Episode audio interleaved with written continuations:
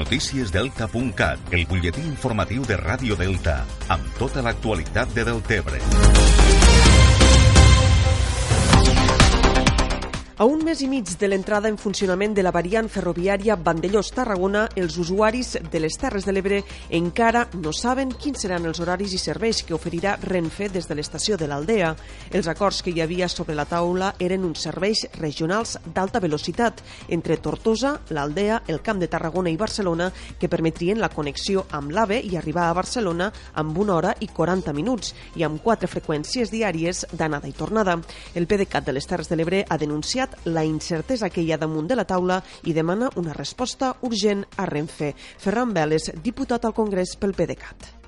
Perquè no és normal que eh, faltant un mes i mig eh, per a, a, aquests, eh, a la implementació d'aquests serveis encara ningú, ningú eh, vol dir la Generalitat de Catalunya, que és la que eh, teòricament eh, contracta els serveis de Renfe, almenys dels de, dels de Rodalies i els regionals, eh, no té cap coneixement perquè no han fet públics eh, els horaris, perquè no han contestat cap de les eh, preguntes que hi ha al, eh, al respecte. Els demòcrates presentaran mocions a tots els ajuntaments per reclamar un servei ferroviari digne. L'alumna Marta Bertomeu Fumador de l'Institut de Deltebre ha estat la guanyadora dels Premis de Recerca IDC que atorga l'Institut per al Desenvolupament de les Comarques de l'Ebre als alumnes de batxillerat i cicles formatius de grau superior de les Terres de l'Ebre. És una crònica de Judit Castells. En total, quatre noies ebrenques han estat les guardonades de la vuitena edició dels Premis IDC. La guanyadora del primer premi, dotat amb 1.500 euros, ha estat Marta Bertomeu de l'MD dels Montells, estudiant de l'Institut de Deltebre amb el projecte Més que un riure Pla de Màrqueting Turístic del Delta de l'Ebre, un treball que posa èmfasi a la importància del turisme, tot oferint eines i estratègies per potenciar-lo. El turisme és un clamator de creixement socioeconòmic i cultural, va a l'alça, amb una demanda turística de qualitat i diferent a la del sol i platja. A més, que quedi clar que el turisme no és un problema, sinó un actiu. El turista és un visitant, és un deltec temporal que durant la seva estada reactiva el transport, el comerç, l'allotjament.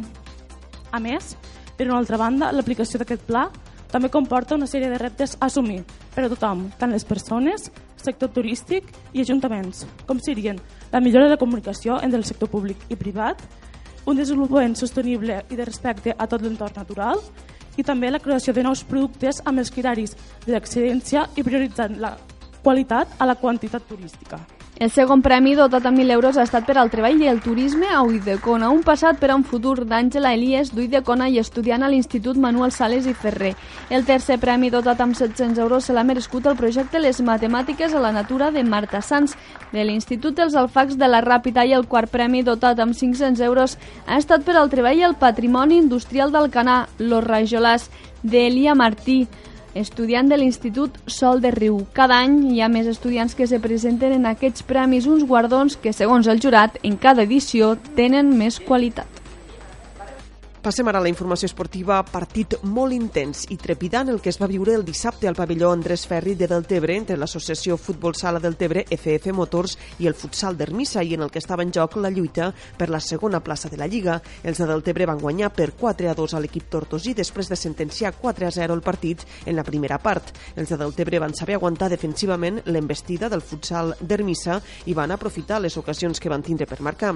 A la segona part, els de Deltebre van jugar pràcticament tot el partit amb inferioritat numèrica, ja que es van patir dos expulsions per doble amonestació.